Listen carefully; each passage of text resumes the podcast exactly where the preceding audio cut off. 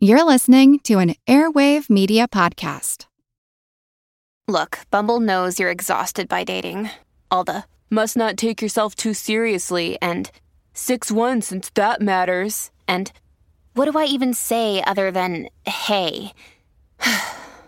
well, that's why they're introducing an all new Bumble with exciting features to make compatibility easier, starting the chat better, and dating safer. They've changed, so you don't have to. Download the new Bumble now. We all know how important it is to keep your eye on the money, and not just your own. Stay on top of the latest financial and market news with Yahoo Finance, a podcast that releases new episodes almost every day. You'll hear a brief overview of the biggest news in the financial world, all in three minutes or less, right after markets close. Check out Yahoo Finance wherever you get your podcasts. That's Yahoo Finance wherever you get your podcasts. This is Kickass News. I'm Ben Mathis.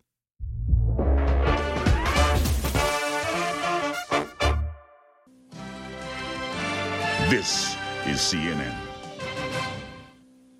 That was the voice of James Earl Jones delivering the familiar intro to the network known as the most trusted name in news.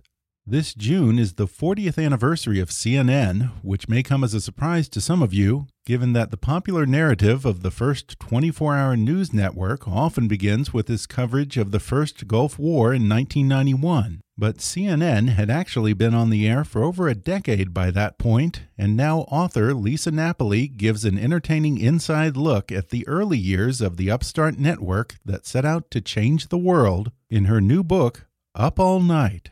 Ted Turner, CNN, and the birth of 24 hour news. And today, Lisa joins me on the show where she reveals that few people took Ted Turner seriously when he entered broadcasting, thanks to his persona as a wild womanizing playboy. And she shares how Turner went from hating the news to founding the first all news network in the basement of a rundown former country club in Atlanta. She talks about the skeptics who questioned whether there was enough news to fill a whole day and how being on the air 24 hours gave CNN a decided advantage over the big three networks. We also discussed Ted Turner's political evolution, his flirtation with running for president, and his unlikely friendship with Fidel Castro. Then we look back on the impact of Ted Turner on his network years later and the lasting impact of CNN on how news is delivered and consumed today. Coming up with Lisa Napoli in just a moment.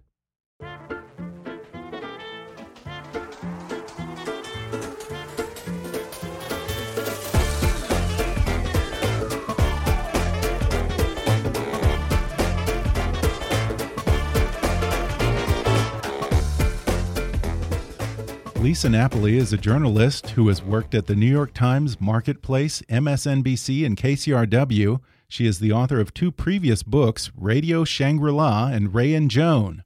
But before all of that, she began her career as an unpaid teenage intern at CNN's New York bureau in the summer of 1981. And now she's written about that fledgling news network that gave her her start in her latest book. It's called Up All Night Ted Turner, CNN, and the birth of 24 hour news. Lisa Napoli, thanks so much for joining me. Thank you for having me.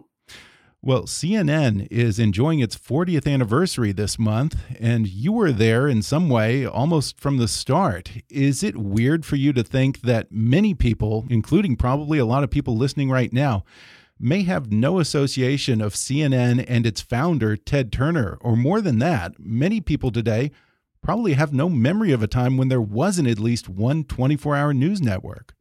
It's pretty scary. I was talking to a guy in the Netherlands the other day who told me he was 19 he was born in 1990 and that he of course didn't remember a time before any of the things that we, you know, take for so so for granted. But wow. yeah, I mean, yeah, it's it's part of getting older is having that experience. I remember with my grandfather saying, you mean there was not television always? So, you know, it's always something. Yeah.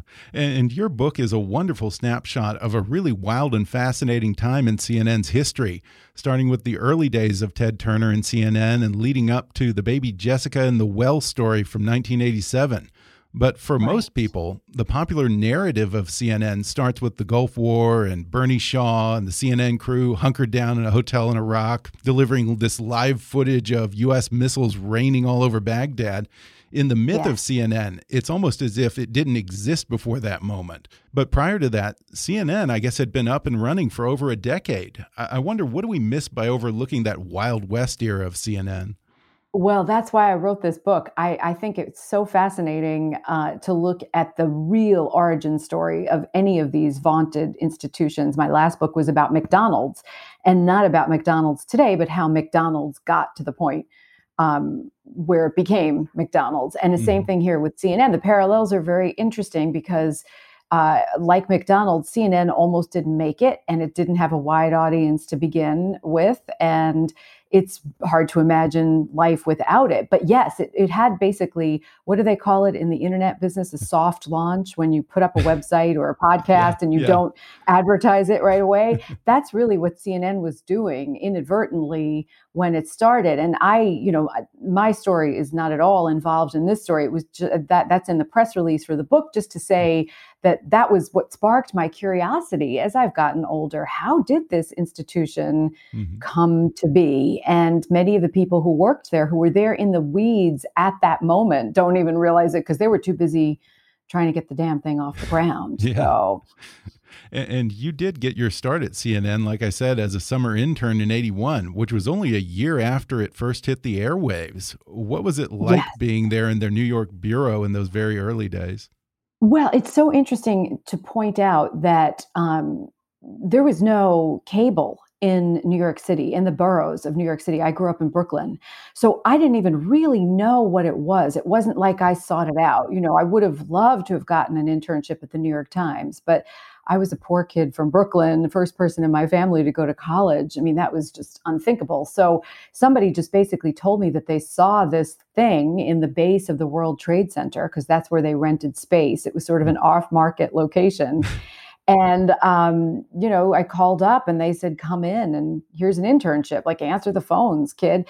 But it wasn't uh, like a formal internship or anything like that. So for me, it was just dazzling and it was amplified by the fact that you know cameras and lights and microphones are always dazzling but the idea that um, not only was it new and not only were most of the people running around there young and not only was it 24 hours but we couldn't even see it. I couldn't go home and watch with my family because we didn't we didn't have it. So it was kind of nebulous and strange and it just seemed like a good thing to have on my resume. And yeah. of course when i got out of school it was a logical place to hit up for a job. And that that's what's also so interesting. It's it's not like um, you know it, um, it's hyper competitive to not just get a job there but to get an internship there now but the yeah. place was engined by people like me in the mm-hmm. early days it could never have existed if it didn't have people willing to work for below minimum wage and crazy hours to get on the air Uh, yeah, that's one of the things that comes out in the book is CNN didn't want to pay to get someone who was a 10-year veteran of the business. So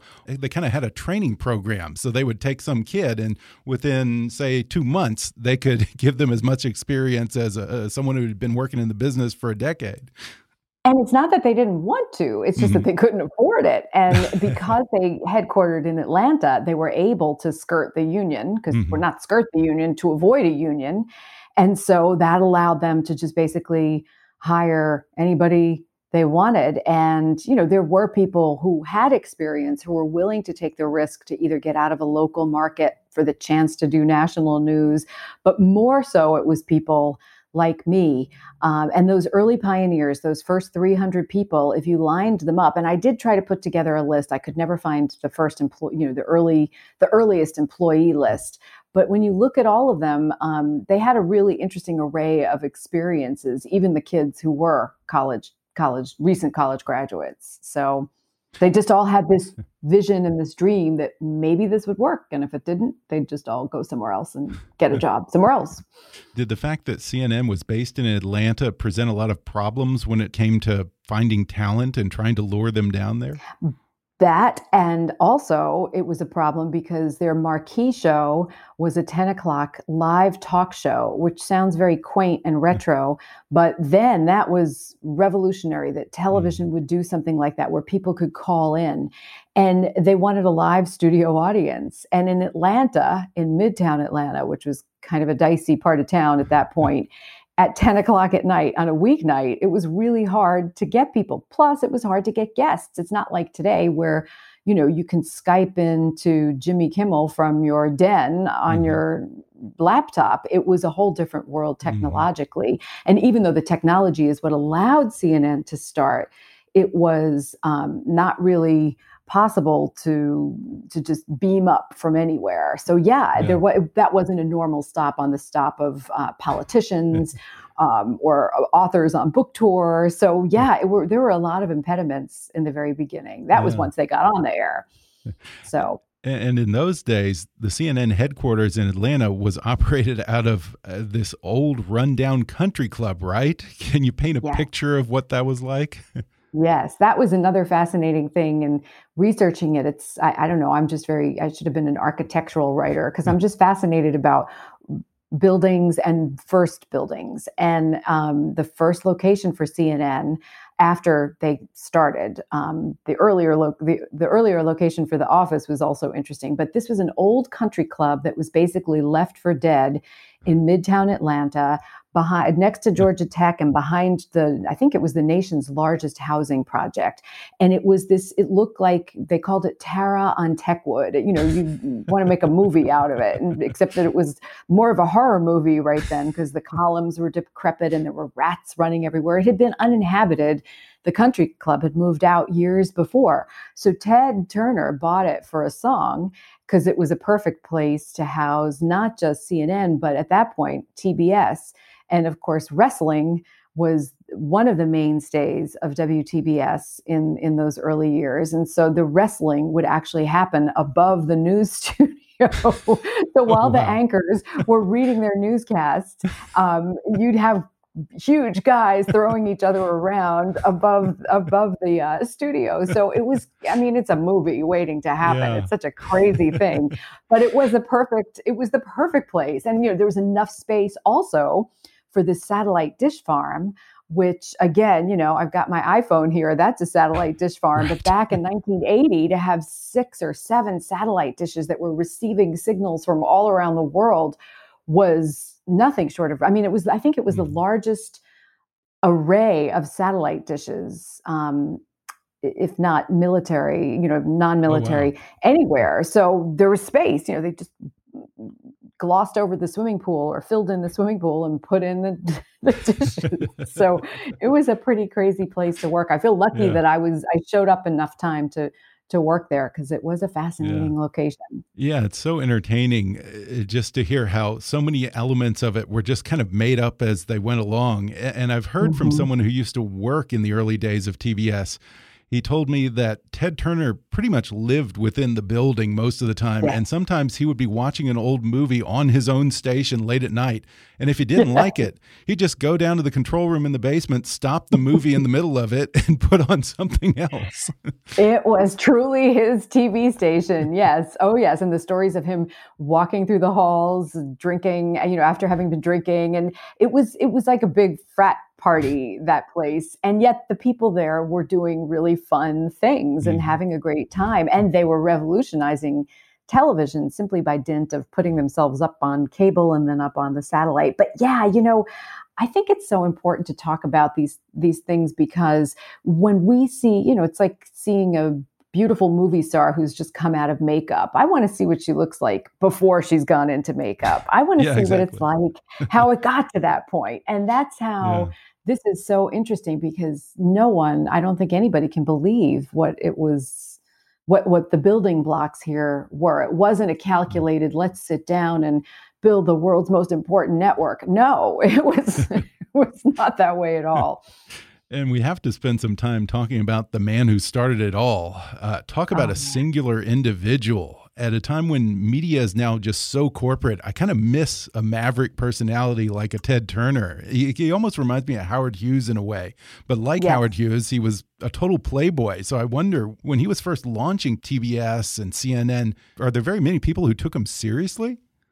Well, that's what's so interesting is that he was able to pull off what he did, given how lunatic he really was, and how many of the people who worked very closely with him and actually revered him thought he was a lunatic. I mean, there's stories of him going into advertisers or potential advertisers' offices and saying, you know, give me all your money, buy time on my little rinky dink channel. And they say no. And he would get down on the floor and writhe.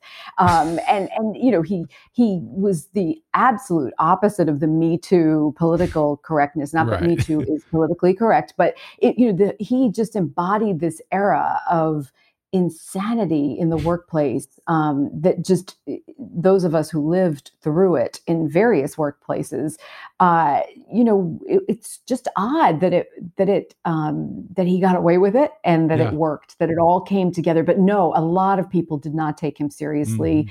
especially when it came to news which is why he had to hire you know, deputize a couple of highfalutin people from the news business as highfalutin as he could get because no one believed this guy could pull off news. Sports, one thing.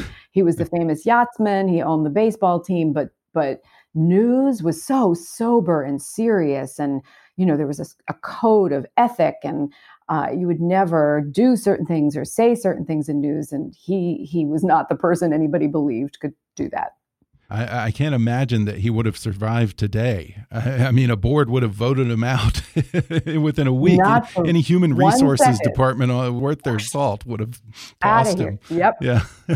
yep. Oh, yeah. There would have been a revolt. The women would have revolted. Although yeah. it's interesting because even close friends of his said that they would see him behave in ways that were – so outrageous and they were shocked that women didn't just belt him over the head you know there, it was amazing i'm sure, sure there were women who who did but um and there you know there are many stories of men being angry about him with their women and um he just he got away he got away with mm-hmm. so much. He was singular. Yeah. Yeah. And he became just such a larger than life personality. In fact, uh, you say in here that when he bought the Atlanta Braves, fans would come up to him for autographs before they would ask the players.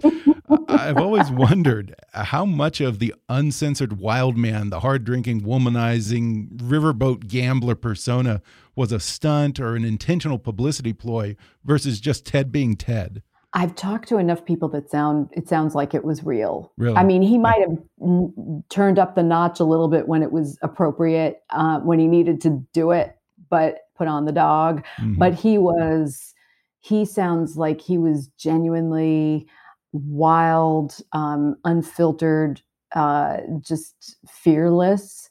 Um, and just uh, un- unstoppable, but also mm. uncensorable. I mean, he just couldn't. He just didn't. No filter. No filter. Yeah. Uh, it seems like it seems as much as you can tell. And when you write a book like this, you're relying on talking with people and reading and watching. If you watch the old yacht movies, the yacht movies are incredible, or him at baseball games. Um, you know, in the moment of the yachting, I think he couldn't he couldn't put it on uh, you know, of course, mediated reality. Who the heck knows? But it seems it seems pretty real. Yeah, yeah. Didn't he win the America's Cup? Yeah, wow. yeah. In fact, so he was a serious yachting. Yeah, he was. He was considered, and I didn't realize that when I started researching this. I knew that he, you know, played around with boats, but I didn't know how seriously and how well regarded he was. Mm-hmm. He was, uh, you know, numerous times the Yachtsman of the Year um, he was not a dilettante. He meant business. And he, you know, to watch it, even though I know next to nothing about boats, uh, uh it's pretty spectacular to see to see the action. And there have been some amazing books written about that period. You wouldn't think a, bu- a book could convey the ferocity of um, the intensity of being on a yacht in competition in a storm, but they they do. They're really great. Mm-hmm. So And one of the most interesting points that comes out in this book is just how uninterested he was in the news for throughout much of his career as a broadcaster. In fact, I think you say that he used to go around saying no news is good news. right. he, he, just wanted to run baseball games and the Andy Griffith show and that kind of thing. What changed his mind? Well, you know, he, I think it's so important. And that's another reason I wanted to write this book because now we think of CNN as the house organ of the liberals. Um, you know, Fox is the opposite. Uh, MSNBC, you know, where however you slice and dice it, wherever your politics are, people interpret it differently. But that mm-hmm. wasn't the case at all. Ted Turner was a conservative who kept his conservatism out of the news. He didn't want to do news because he just didn't like the way it was transmitted over the three major networks. Mm-hmm. But he didn't get into the news business because he wanted to change that point of view. He got into the news business purely because it was a way to use the marriage of the cable and the satellite. Uh, which was brand new at that time. And he wanted to do something big, something grand. He had put TBS um, up on this cable satellite so that the whole nation could see it. Uh, back then it was Channel 17, WTCG, and it was such a wild success that people around the nation, I have to step back for a second. Ted was the first person to go 24 hours with a with television. There was a time when television did not go 24 hours. So Ted with his little UHF station ran movies all night long and crazy news shows and uh, you know, all kinds of stuff and basic Ginsu knife commercials. and basically, it did so well for him that he wanted to do something bigger. He saw that there was an appetite for round the clock something. Um, he he couldn't do sports because the sports he had were on his he owned a number of teams and he played them on his main station UH the UHF station TBS, and he couldn't do movies because HBO had just staked a tiny claim in that world. HBO had mm-hmm. just started. That's where he got the idea. HBO was not a major force the way it is today. It was on just several hours a day, um, licensing what content it could, and it was very hard to do that. And so he saw they couldn't he couldn't compete with that so it was kind of sitting around mm-hmm. brainstorming with the guys that he came up with oh yeah hmm maybe we could fill 24 hours a day with a bunch of news how do we do that let's get me some guy who knows how to do that because is there yeah. enough news to fill that much time and uh, the answer on the part of some of them was maybe not, but you know, maybe we'll have to blow things up.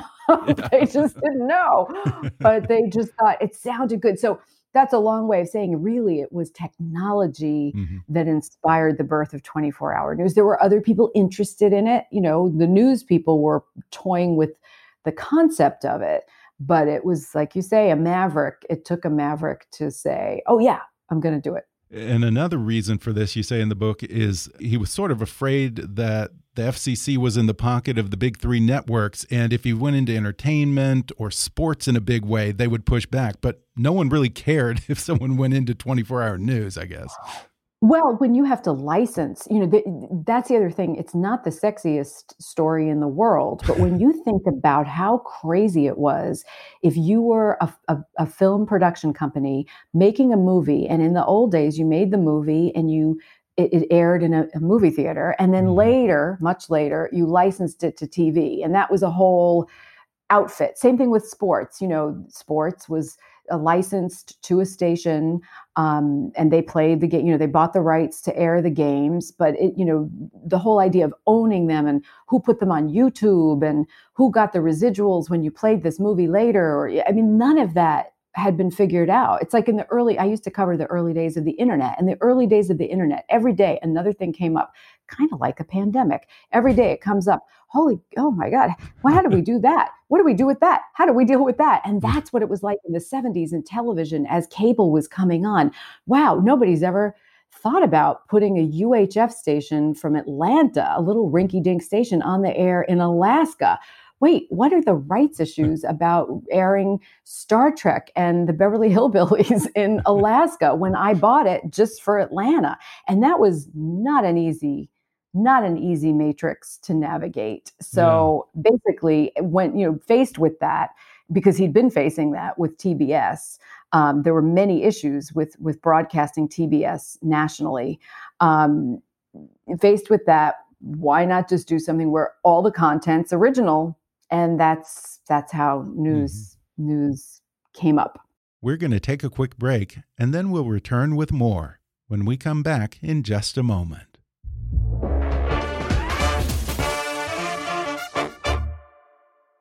Imagine yourself with a doctorate at the top of your field. You could be teaching, researching, or making a bigger impact in your community. A doctorate can be a big investment in time or in money. But did you know that you could earn a degree from Capella University through a flexible program? From enrollment to graduation and beyond, you'll be guided every step of the way. Capella has over 25 years of online education experience supporting doctoral students and they have $5,000, $10,000, and $20,000 Capella Progress Reward scholarships for eligible new students enrolling in select doctoral degree programs. Capella also offers financial aid counselors, enrollment counselors, and career counselors to help you get started. Learn more about the support and resources you'll have from beginning to end. Start exploring available programs and scholarship opportunities at capella.edu/doctorate. That's capella.edu slash doctorate. And I want to go back to something that you kind of touched on a moment ago, which is just how proud Ted Turner was of being Atlanta based. He reveled in operating this quote unquote Southern broadcast network like TBS that played to the taste of regular folks. And in a lot of ways, Ted Turner's pronouncements against the big three networks and media elites and this idea that New York was the only place where news happened really seems to presage the kind of culture war rhetoric that we now expect from Fox News and other conservative outlets. A hundred and fifty percent. It's so interesting that, you know, and this is true in every aspect of history. There's nothing new, right? I mean, I was just re researching Anita Hill for a new book that I'm writing.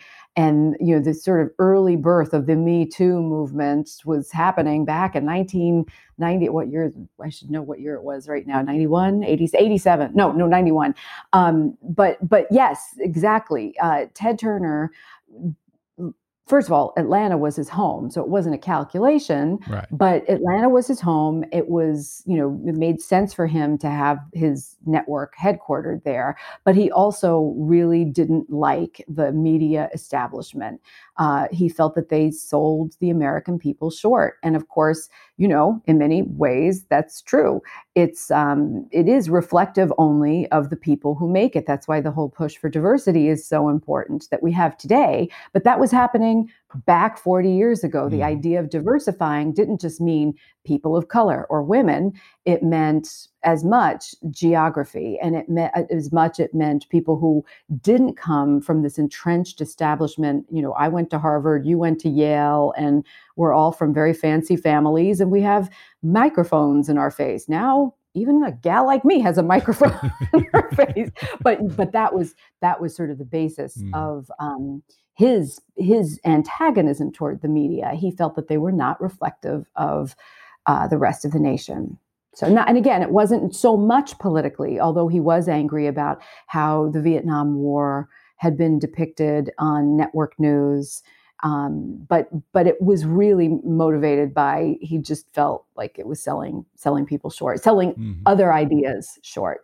And you mentioned a moment ago that sort of the refrain from critics at the big three networks it really broke down to two things. It was who's going to want to watch news all day long, first of all, and how are you going to fill 24 hours of news? Uh, the networks only ran a half hour, an hour of national news every night. Did CNN have trouble coming up with enough content at first?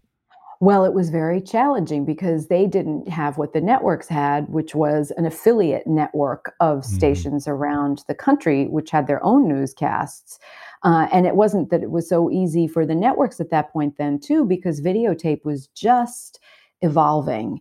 Um, portable cameras, which were not so portable by our standards today, were just happening. So um, basically, CNN had to go out and beg, borrow, and steal from other stations around the country when when news erupted in various locations. But they also, you know, very wisely put together what what you would call in a newspaper columnists. You know, they'd hired a number of people from a variety of viewpoints to do these uh, essays or columns every week. So they had them on a shelf in the can, and you know, if need be they'd fill the time. But you know, that's what I also was so excited about talking about you with because, you know, I, I see the guests that you have on your show. I mean, we think we take so for granted this idea that author X or political pundit Y is coming on the show and we're going to butt heads for a half hour. That did not happen before uh, CNN. Right. And CNN basically had to invent that because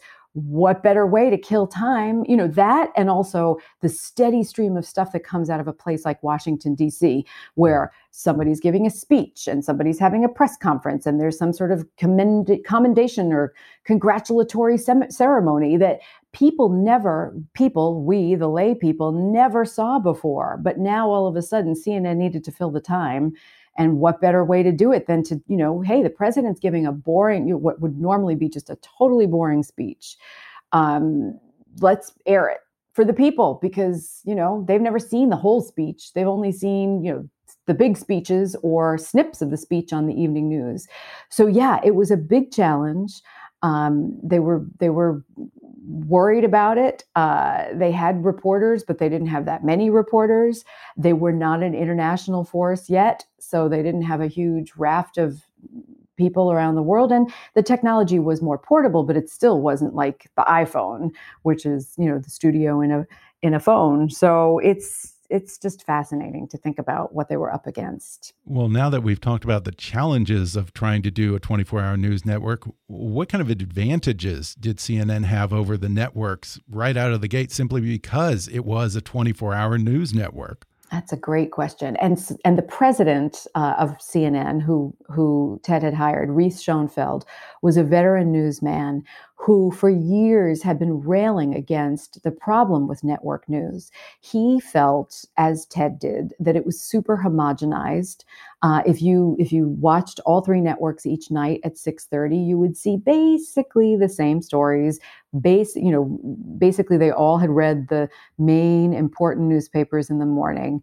Um, they basically didn't step out much from whatever was proscribed on those front pages.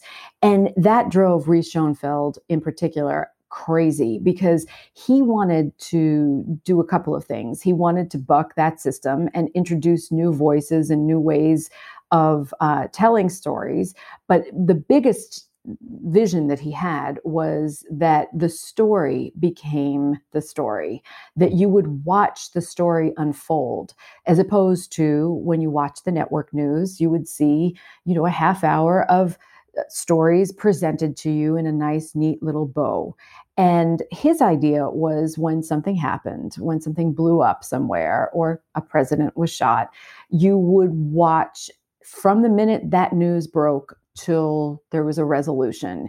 Now, of course, we now know the, the downside of that. But at that time, it was a very exciting prospect that you could watch the news unfold like an unscripted drama. Mm. We didn't mm-hmm. call it that then, but um, they didn't call it that then. So that was an exciting piece of it. And um, I think, you know, obviously he was right. There, there is a huge appetite for that. We've seen it time and time again. Well, what we can talk about whether it's good for society or good for our ulcer or good for anything. Um, but it, you know, he was right. And one event that you highlight is the attempted assassination of Ronald Reagan as the perfect example of how a 24 hour news network could scoop the big three. What was unique about that situation? Well, you know, they were inside uh, while the president was giving in the hotel was giving a speech, you know, sort of a standard speech to a union, AFL-CIO, um, and they had just run that speech, and they basically weren't part of the White House press pool at that point. They weren't allowed to join because they weren't union and they weren't seen as, you know, meritorious of that uh, responsibility to be part of that White House press pool.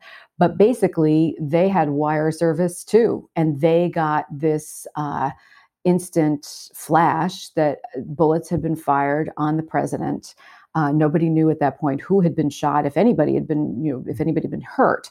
But the bullets had rung out, and um, Bernard Shaw went on the air and and said that you know there have been shots fired outside the Hilton Hotel where we've just been bringing you the president and we'll tell you how it goes. Now the networks did that too. CNN went to air first.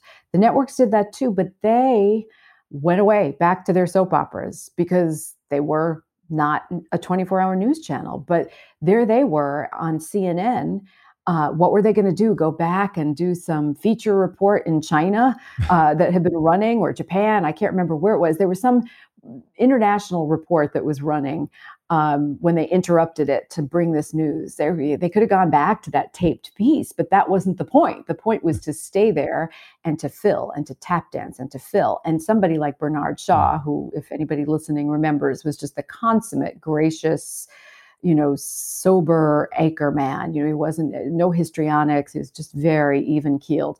He sat there knowing the gravity of shots on a president could this man have been hurt what that meant in the larger sense and he basically tap danced uh, very eloquently even though he had basically nothing to tap dance with and as stuff as info dripped in um, they they delivered it as did the networks and the networks basically had to take note at that point that this was not a joke this place and you know they they it wasn't like it resolved it overnight, but it helped um, show. It's like the little boy who hits, picks up the bat and hits a home run. He's a little scrawny kid and shows off that, yeah, I can do it too. You could be making fun of me, but I did it. And that's what happened that day, um, and showed both both the power of CNN, even though not that many people still were watching it, but the power of uh, of the the concept of being on on the air all the time. And one of the weirder moments in sort of the Reagan era history of CNN is not long after that, Ted Turner accepts an invitation to visit Fidel Castro in Cuba. Yes. Now, this was at a time when the President of the United States was taking a hardline stance on Castro, and Reagan, I believe, had ratcheted up the Cuba embargo.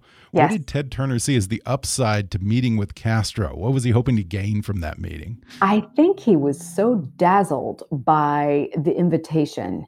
and the reason reason he got the invitation is because Fidel Castro was stealing the signal of CNN.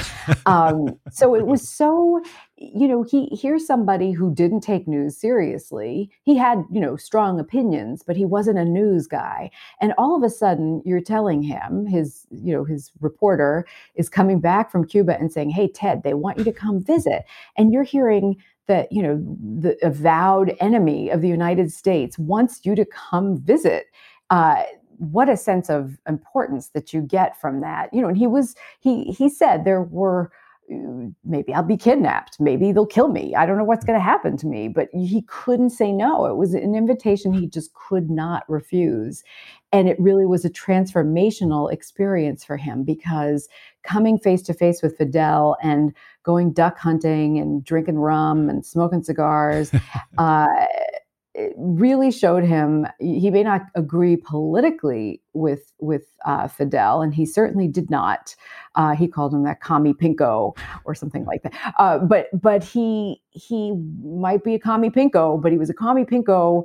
And he was a human, and he loved his kids, and he loved his cigars, and his ducks, and his girlfriend, and he just like Ted. And maybe if if this service that he put together was useful to Fidel, maybe it was useful in the greater sense to helping the world unite somehow. And that's mm-hmm. where his early vision of that, uh, of media as, as a sort of coalescing force came about. Of course, you know, we know in the end what really happened, but but it was a dazzling moment for him. And it was a dazzling and, and very quaint and wonderful vision that he had so yeah, yeah, I think you said that uh, he used to fly the United Nations flag at CNN headquarters and talked about how they could bring about world peace through CNN. World peace. Yeah. oh well. unfortunately, no. We've got at least yeah. a. Uh, yes, a war here. Oh, well, and I, other people around the world have said to me just since this book came out, you know, what the heck? and I'm like, I can't tell you about now. I can just tell you how it how it how, how it started. Yeah. Um, yeah. it's pretty amazing. And how did Ted Turner's politics evolve over the years? Because apparently he was a pretty staunch Southern Republican when he was young, and now he's this avowed liberal on most issues, gives tons of money to environmental causes. Was it all Jane Fonda, or what changed in his politics? No, you know that's the other thing that's been been hard to explain to people as I've been writing this book uh, who don't know about Ted Turner because you know this is well before Jane Fonda, and you know I think first of all I don't know that in, the environment is necessarily always a liberal cause. I think right. um, you know we associate it that way, but I think that that that Ted Turner had an awakening that opened him up to more ideas, new ideas that he didn't imagine that he had before because he wasn't a political beast so to so to speak. I mean he probably he did vote republican. Um, he didn't vote for jimmy carter the hometown boy. Um, but he he was he was one of those people who basically was raised a certain way and so he believed a certain way until somebody said you know you don't have to think that there's other ways. So it wasn't really Jane. It was long before Jane. It was more, I think, the power of seeing what this communications tool could potentially do and opening up to other ways of thinking and being um, that that was transformational for him. But yeah, he gets a bad rap with with the whole not a bad rap, but it's Jane Fonda is a fascinating person, and their romance and love affair and courtship, all that, you know, mm. even to this day, now that they've been divorced for so long, is fascinating. But this is well before that. And um, I think, I'm sure she influenced him just the way any person married to another person would. But all of that was, he was an environmentalist back when he was, you know, in the 1970s, he was buying up, uh, you know, huge lands and he loved nature always. He's a hunter, which is obviously doesn't necessarily square up in my mind with environmentalism, but he he has right. always loved and, and appreciated nature. So it seems like that's an extension of something that was just in him mm-hmm. from from way back. And I mentioned at the outset that you sort of bookend your story with the first live TV event in 1949 of a girl stuck in a well and the baby Jessica story in 87. Yeah. What did you want to drive home about how live news coverage has changed or evolved in those four decades? You know, I did that because I, I was so interested. I'm so interested, obviously, in the history of of TV news, of communications.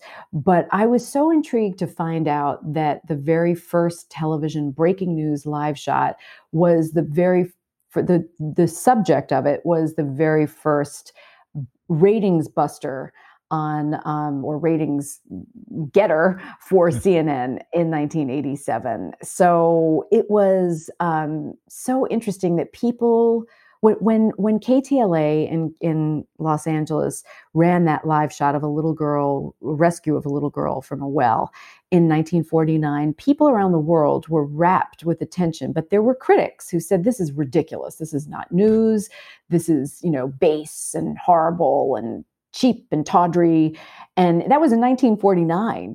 So when you fast forward to 1987, and you know, here's this high-minded idea of CNN of, of news all the time on CNN with commentators and you know important discussions and news reports from important events. And then what's the thing that busts the rating charts is a little girl in a well being rescued.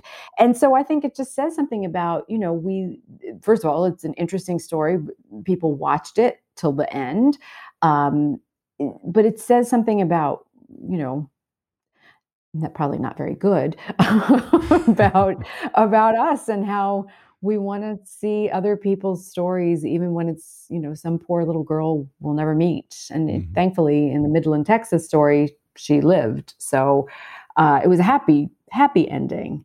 Um, but yeah you know i wanted people to sort of look at it and say wow um, you know everything's not different and yet the technology is completely different. The ease of transmission is completely different. But in the end you know the, the first guy who did that report in 1949 didn't know what to say he looked at his boss and he said okay well now while we're waiting for these men to dig this poor little girl out what do i do how do i fill the time and uh, they did what people have been filling the time on tv with since just talking, and, um, talking, and not really necessarily saying Yeah. a whole lot. Yeah. So Yeah, for sure. A- And even though you end your history of CNN in 87, you do have an afterword to the book set in 2000. That was a rough year for Ted Turner, both personally and professionally. Uh, how did he take that? Well, you know, there have been many books written about the the later part of Ted's life and and Mhm. his, you know, purchasing, trying to purchase CBS, the the failed purchase with MGM, and how he basically had to give up power uh, or, or control of his business, which he'd never done before, and that dissolution began in the mid '80s as he had to let investors help basically bail him out up until the year 2000 when the ultimate bailout happened, which was the sale of uh, Time Warner, which had taken over CNN, to AOL in you know what what is widely regarded as the worst business deal in history. And so in 2000, when um, CNN was celebrating its 20th anniversary, basically, you know, Jane was leaving him. He was he was losing what little toe he had left at CNN. Um, and it was just a really terrible time for him. But uh, the reading the books uh, about what happened once he, you know, the aftermath of what I write about, are really, really fascinating. Lots of interesting characters uh, and you know important people in in 20th century broadcasting um, media, just everything. All the cable is a huge force, but it's fascinating just to see how Ted, who swore up and down for years that no one was going to get a piece of the action, um, basically had to give it up. And yeah, it's it's a sad story. But by then Yeah. he'd given up so much anyhow, so it wasn't. Um, you know, this the ship Yeah. had sailed a long time before. Uh, Do you think his legacy is still felt at CNN, or are there noticeable ways in which the network has changed since Turner gave up control? Oh my God! The, you know, he'd given up. He'd never had day to day control. Um, Right. It had been. It's been decades since he had real control or real, you know, ownership of it. It was such a diluted ownership. Um, I think, you know, it's very telling that when AT and T bought bought um, basically a lot of properties, including CNN, they took the taking the Turner name off many of those properties uh, just erasing the name altogether. And you know, in the halls of CNN, I, I wonder. I mean, there've got to be quite a lot of people like that Dutch journalist I was talking to the other day who were born in '90 and uh, you know don't know Ted Turner except as Yeah. maybe a name. So yeah, I don't think that he's certainly CNN. If you go online and look at what CNN looked like in the very beginning, it doesn't look anything like it did. No, I mean, no, none of television does. None of us do. but uh, it's uh, it, it- it's it's a whole different Mm. animal, so to speak, and that's why you know this book is an interesting and tough sell because it's not about CNN today or what it stands for today. Um, and I, I don't think that most of the people who were there at the very beginning, at least the ones I've spoken to, are happy with what's happened to broadcast journalism, particularly that part of broadcast Mhm. journalism that they work so hard to get off Yeah. the ground. And we live in a time when news has increasingly become politicized and disinformation and even conspiracy theories are treated as legitimate news by many outlets. Is there a lesson before we go here that can be applied to this moment?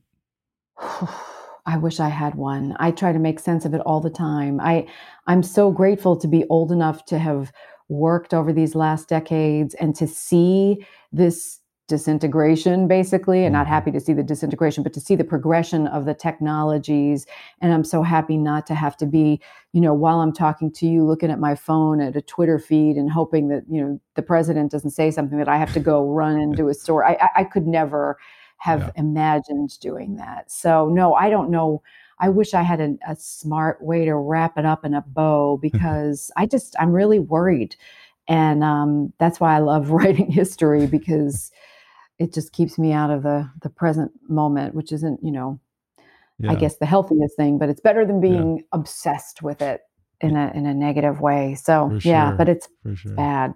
It's Yeah. bad. Yeah, apparently, I guess Ted Turner had seriously considered running for president. I, I kind of feel like we're getting to see that alternative universe now. yes. Oh, yes. That's. I'm so glad you brought that up because that was very fascinating in researching this to see that he. Um, you know, he loved the power and the glory and the money associated mm-hmm. with this mm-hmm. media empire he'd built. And he thought, I'll just run for president.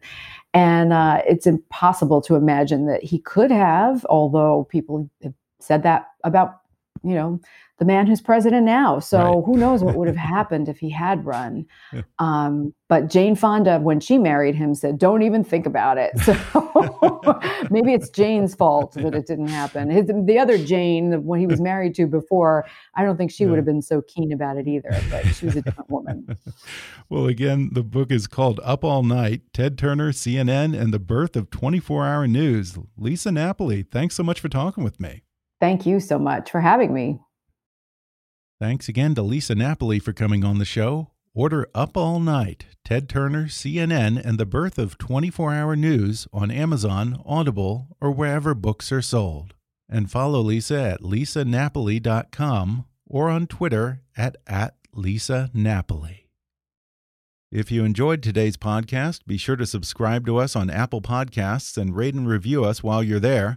Five star ratings and detailed reviews are one of the best ways for new listeners to discover the show. You can also follow us on Facebook or on Twitter at, at KickassNewsPod and recommend us to your friends on your social media.